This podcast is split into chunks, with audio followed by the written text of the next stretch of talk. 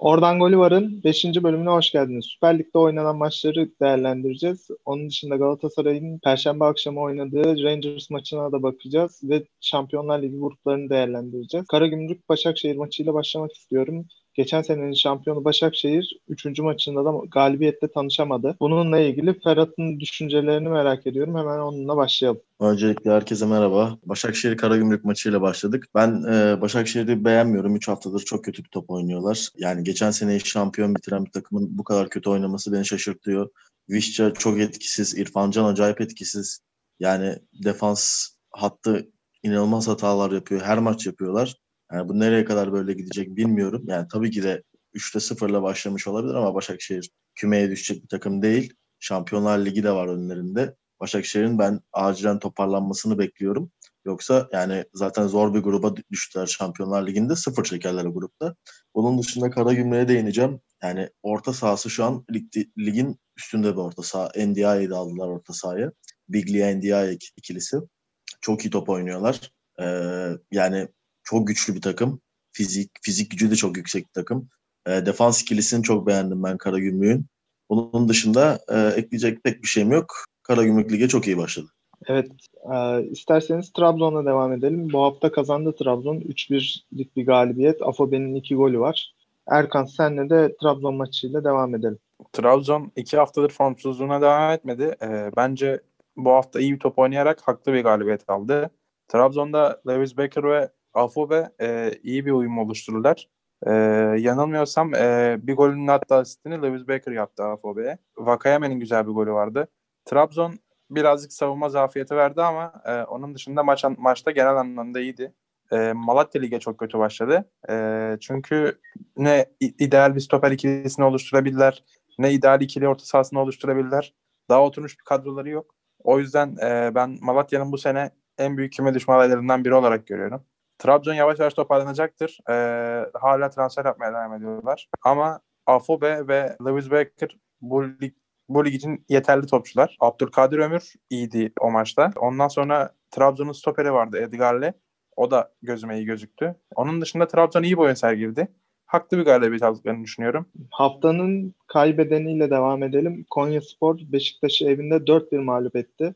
Beşiktaş savunmasında Vida'nın inanılmaz hataları vardı. Ferhat seninle başlayalım Beşiktaş maçını konuşmaya. Yani dediğin gibi Vida inanılmaz hatalar yaptı. Bir tane penaltıya sebebiyet verdi. İki tane gol attırdı. Toplam üç tane gole sebebiyet verdi Vida. Yani Konya Spor, Beşiktaş çok kötüydü. Yani orta sahaları top taşıyamıyor. İleridekiler bir etkin değil. Defans zaten sürekli hata yapıyor. Yani bu şekilde Beşiktaş'ın ben ligi götürebileceğini düşünmüyorum. Acilen bir kanat takviyesi ve forvet takviyesi yapması gerekiyor. Abu Bakar ilk maçını oynadı. Kötü değildi ilk maçına göre. Zaten sonradan oyuna girdi etkiliydi. Ama işte dediğim gibi yani ön tarafa top taşıyabilecek bir oyuncu olmadıktan sonra kanatların kötü olduktan sonra Abu Bakar da etkisiz olur yani bu takımda. Yeni gelen forvet bile etkisiz olur yani bu takımda iş yapmaz.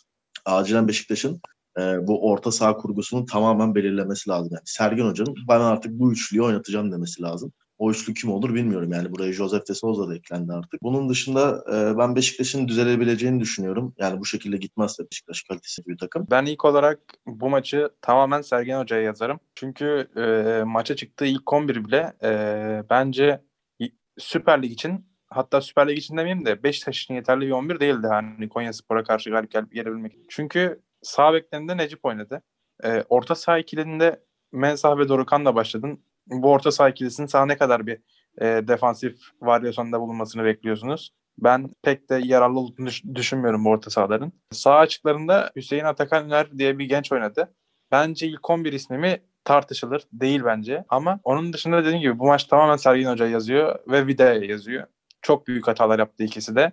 Hele ilk gol yenilecek nitelikte bir gol değildi. Çok saçma hatalar da yaptılar tak takımlar. Ama Konya Spor bence baştan sona kadar oyunu domine etti. Beşiktaş'ı resmen sahasında ezdi ve evine gönderdi. Bir de ben Artem Kravets'e bir sayfa açmak istiyorum.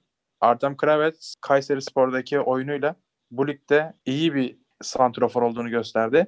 Ee, ve gerçekten fırsatçılığını konuşturarak bu maçta da iki gole imza attı.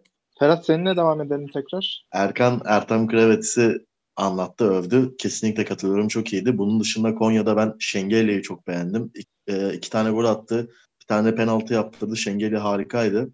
İleri çok iyi top taşıyor. Yani yaşı olmasa bence bizim takımlarımızda oynayabilecek kalitede bir futbolcu. Yani üst kategorideki takımlarda oynayabilecek bir futbolcu. Bunun dışında ekleyecek bir şeyim yok. Ben de Erkan Kraves'e değinmiş, değinmişken ben de bir Şengeli'ye değin, değinmek istedim. Ben bir de şöyle bir şey eklemek istiyorum. Ben orada Hüseyin Atakan'larla başlayacağım sağ açıkta. Elimde Gökhan Töre gibi bir joker oturuyorsa ben Gökhan Töre ile başlamak isterdim. Galatasaray Avrupa Ligi'ne veda etti playoff turunda. Rangers Galatasaray maçıyla alakalı da hemen Erkan seninle başlayalım. İlk yarıdaki oyun olarak Galatasaray'ı bir tık önde görüyorum.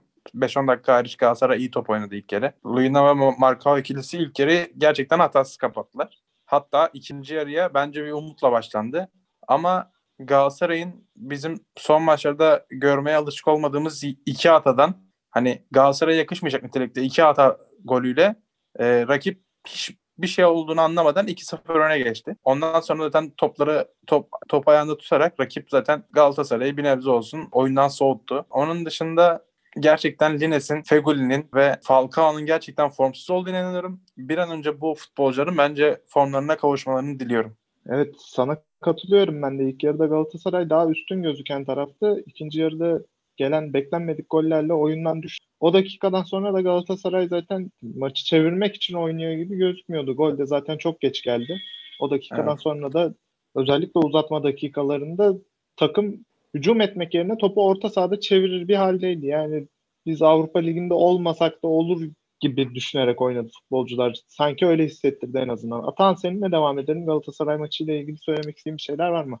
Bir de şöyle bir şey var. Galatasaray farklı bir oyun planına geçtikten sonra 85'ten 86'dan sonra o oyunu oynamayı da beceremedi. Hani doldur boşaltı bile sadece Markan'ın ayağına baktılar ki Marka, sadece o topları bir tek Marka atabildi. Nines denedi, Fatih Öztürk denedi. Bu oyuncular o doldur boşaltı bile atamayacak nitelikte bir oyuncular. Bu kadar olmamalı Galatasaray. Ya tamam seninle devam edelim. Galatasaray'ın ilk tamam. yarı oynadığı oyunu beğendim diyebilirim. Yani çok olmasa da ya ikinci yarı oranla daha iyiydiler.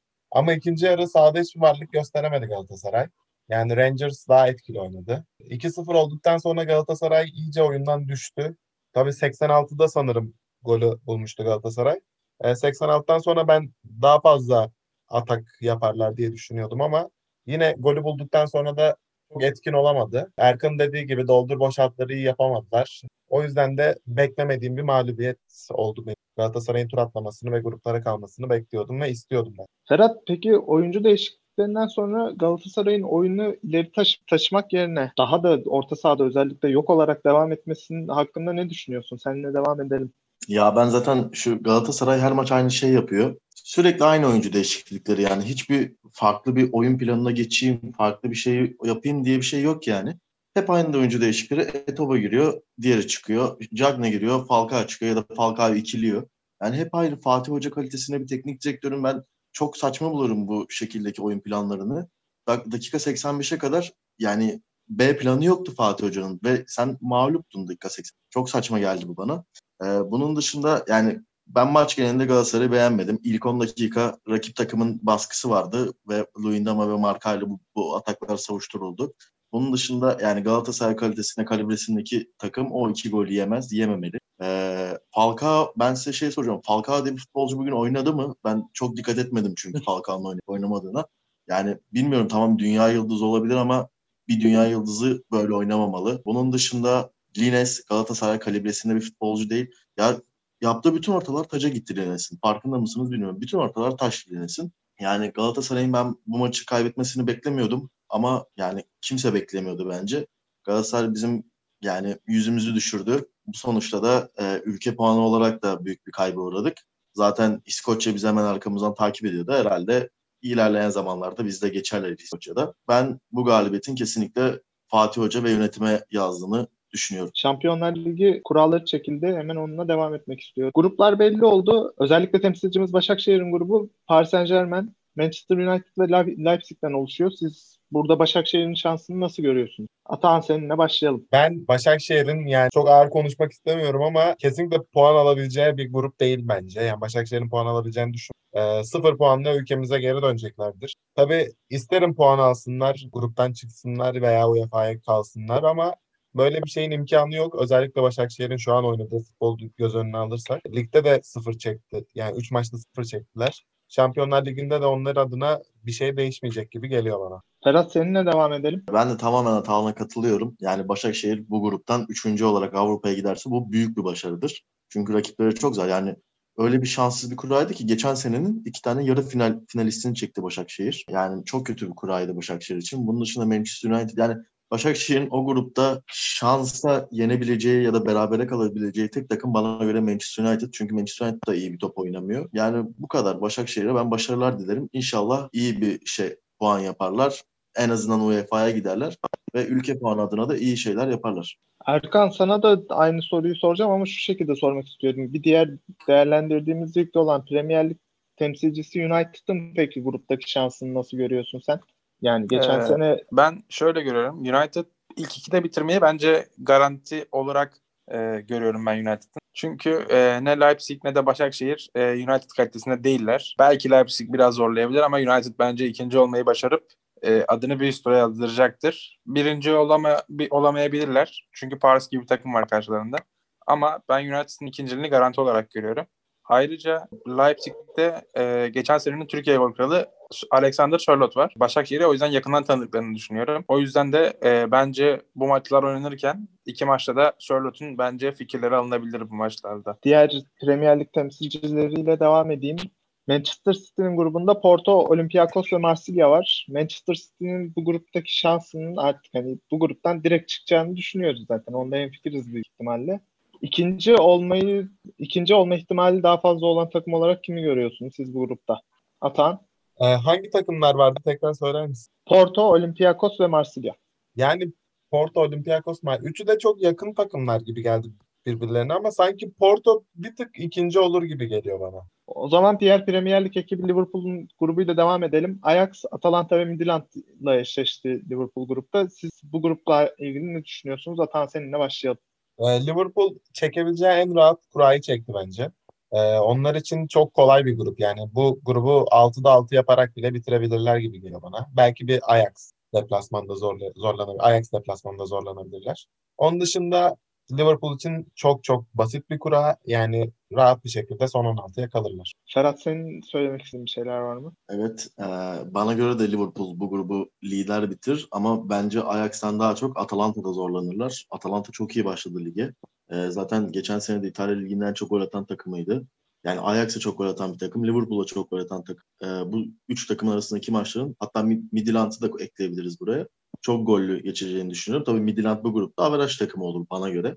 E, yani bunun dışında ben bu seneki Şampiyonlar Ligi'nde Atalanta'dan çok şey bekliyorum. Bir şey ekleyeceğim ama dediğin gibi evet hepsi gol atan bir takım. Ve bu gruptaki maçlar gerçekten çok keyifli olur. Yani seyir zevki yüksek maçlar izleriz. Aynen. Chelsea ile devam edelim. Chelsea de grubunda Sevilla, Krasnodar ve Rennes'le eşleşti. Burada Chelsea'nin şansını nasıl görüyorsunuz? Ee, Chelsea için de yani çok fena bir kura değil bence. En kötü ikinci olup bence son 16'ya kalmayı başarabilirler gibi geldi bana. Erkan sen ne düşünüyorsun? Ben Chelsea'nin burada gerçekten kura şansına sevindim. Çünkü Chelsea artık ileri seviye turları hak eden bir takım oldu. Sevilla, Krasnodar ve Rennes bence Sevilla ile beraber güle oynaya bu gruptan çıkacaklarını düşünüyorum. Messi ve Ronaldo tekrar karşı karşıya geliyor Şampiyonlar Ligi'nde. Juventus, Barcelona, Dinamo Kiev ve Ferencvaros grubu. Siz Messi ve Ronaldo'nun tekrar karşı karşıya gelmesinden neler bekliyorsunuz? Ferhat seninle başlayalım. Bu ikiliyi beraber izlemeyeli uzun zaman olmuştu. E, Ben çok sevindim bu ikilinin tekrardan buluşması adına. Bana göre yani Ferenc Ferencvaros ve Dinamo Kiev'e yazık olacak bu iki takım arasında. Onlar Avrupa Savaşı verecekler kendi aralarında. Bana göre Barcelona 1, Juventus 2 çıkar bu gruplardan. Bunun dışında Messi ile Ronaldo'nun tekrardan aynı sahada olmalarından dolayı çok mutluyum. Erkan sen neler söylemek istersin? Ben burada Ferhat'a katılmıyorum. Ben Juventus'un bu gruptan birinin çıkacağını düşünüyorum. Çünkü Barcelona bu sene Messi ile belli başlı sıkıntılar yaşadı. Messi'nin bence geçen seneki ve ondan önceki senelerdeki performansı verebileceğini düşünmüyorum. Çünkü bence Messi'nin bu sene Barcelona'daki son senesi. Sözleşme uzatacağını da düşünmüyorum. O yüzden Messi'nin çok da formda bir sene geçireceğini düşünmüyorum. O yüzden Juventus'un şansının bir tık daha önde olduğunu düşünüyorum birincilik için. Geri kalan tüm konularda Ferhat arkadaşıma katılıyorum. Güle oynaya bu gruptan çıkacaklardır. Diğer takımlar Avrupa Savaşı verecek ama Ronaldo ve Messi'yi aynı sahada izlemek bizim için büyük bir heyecan. Şampiyonlar Ligi grup aşamasını da değerlendirdikten sonra bu, bu bölümümüzün sonuna geliyoruz. Bizi OGV Sports hesabından Instagram ve Twitter'da takip edebilirsiniz. Dinlediğiniz için teşekkürler. İyi günler.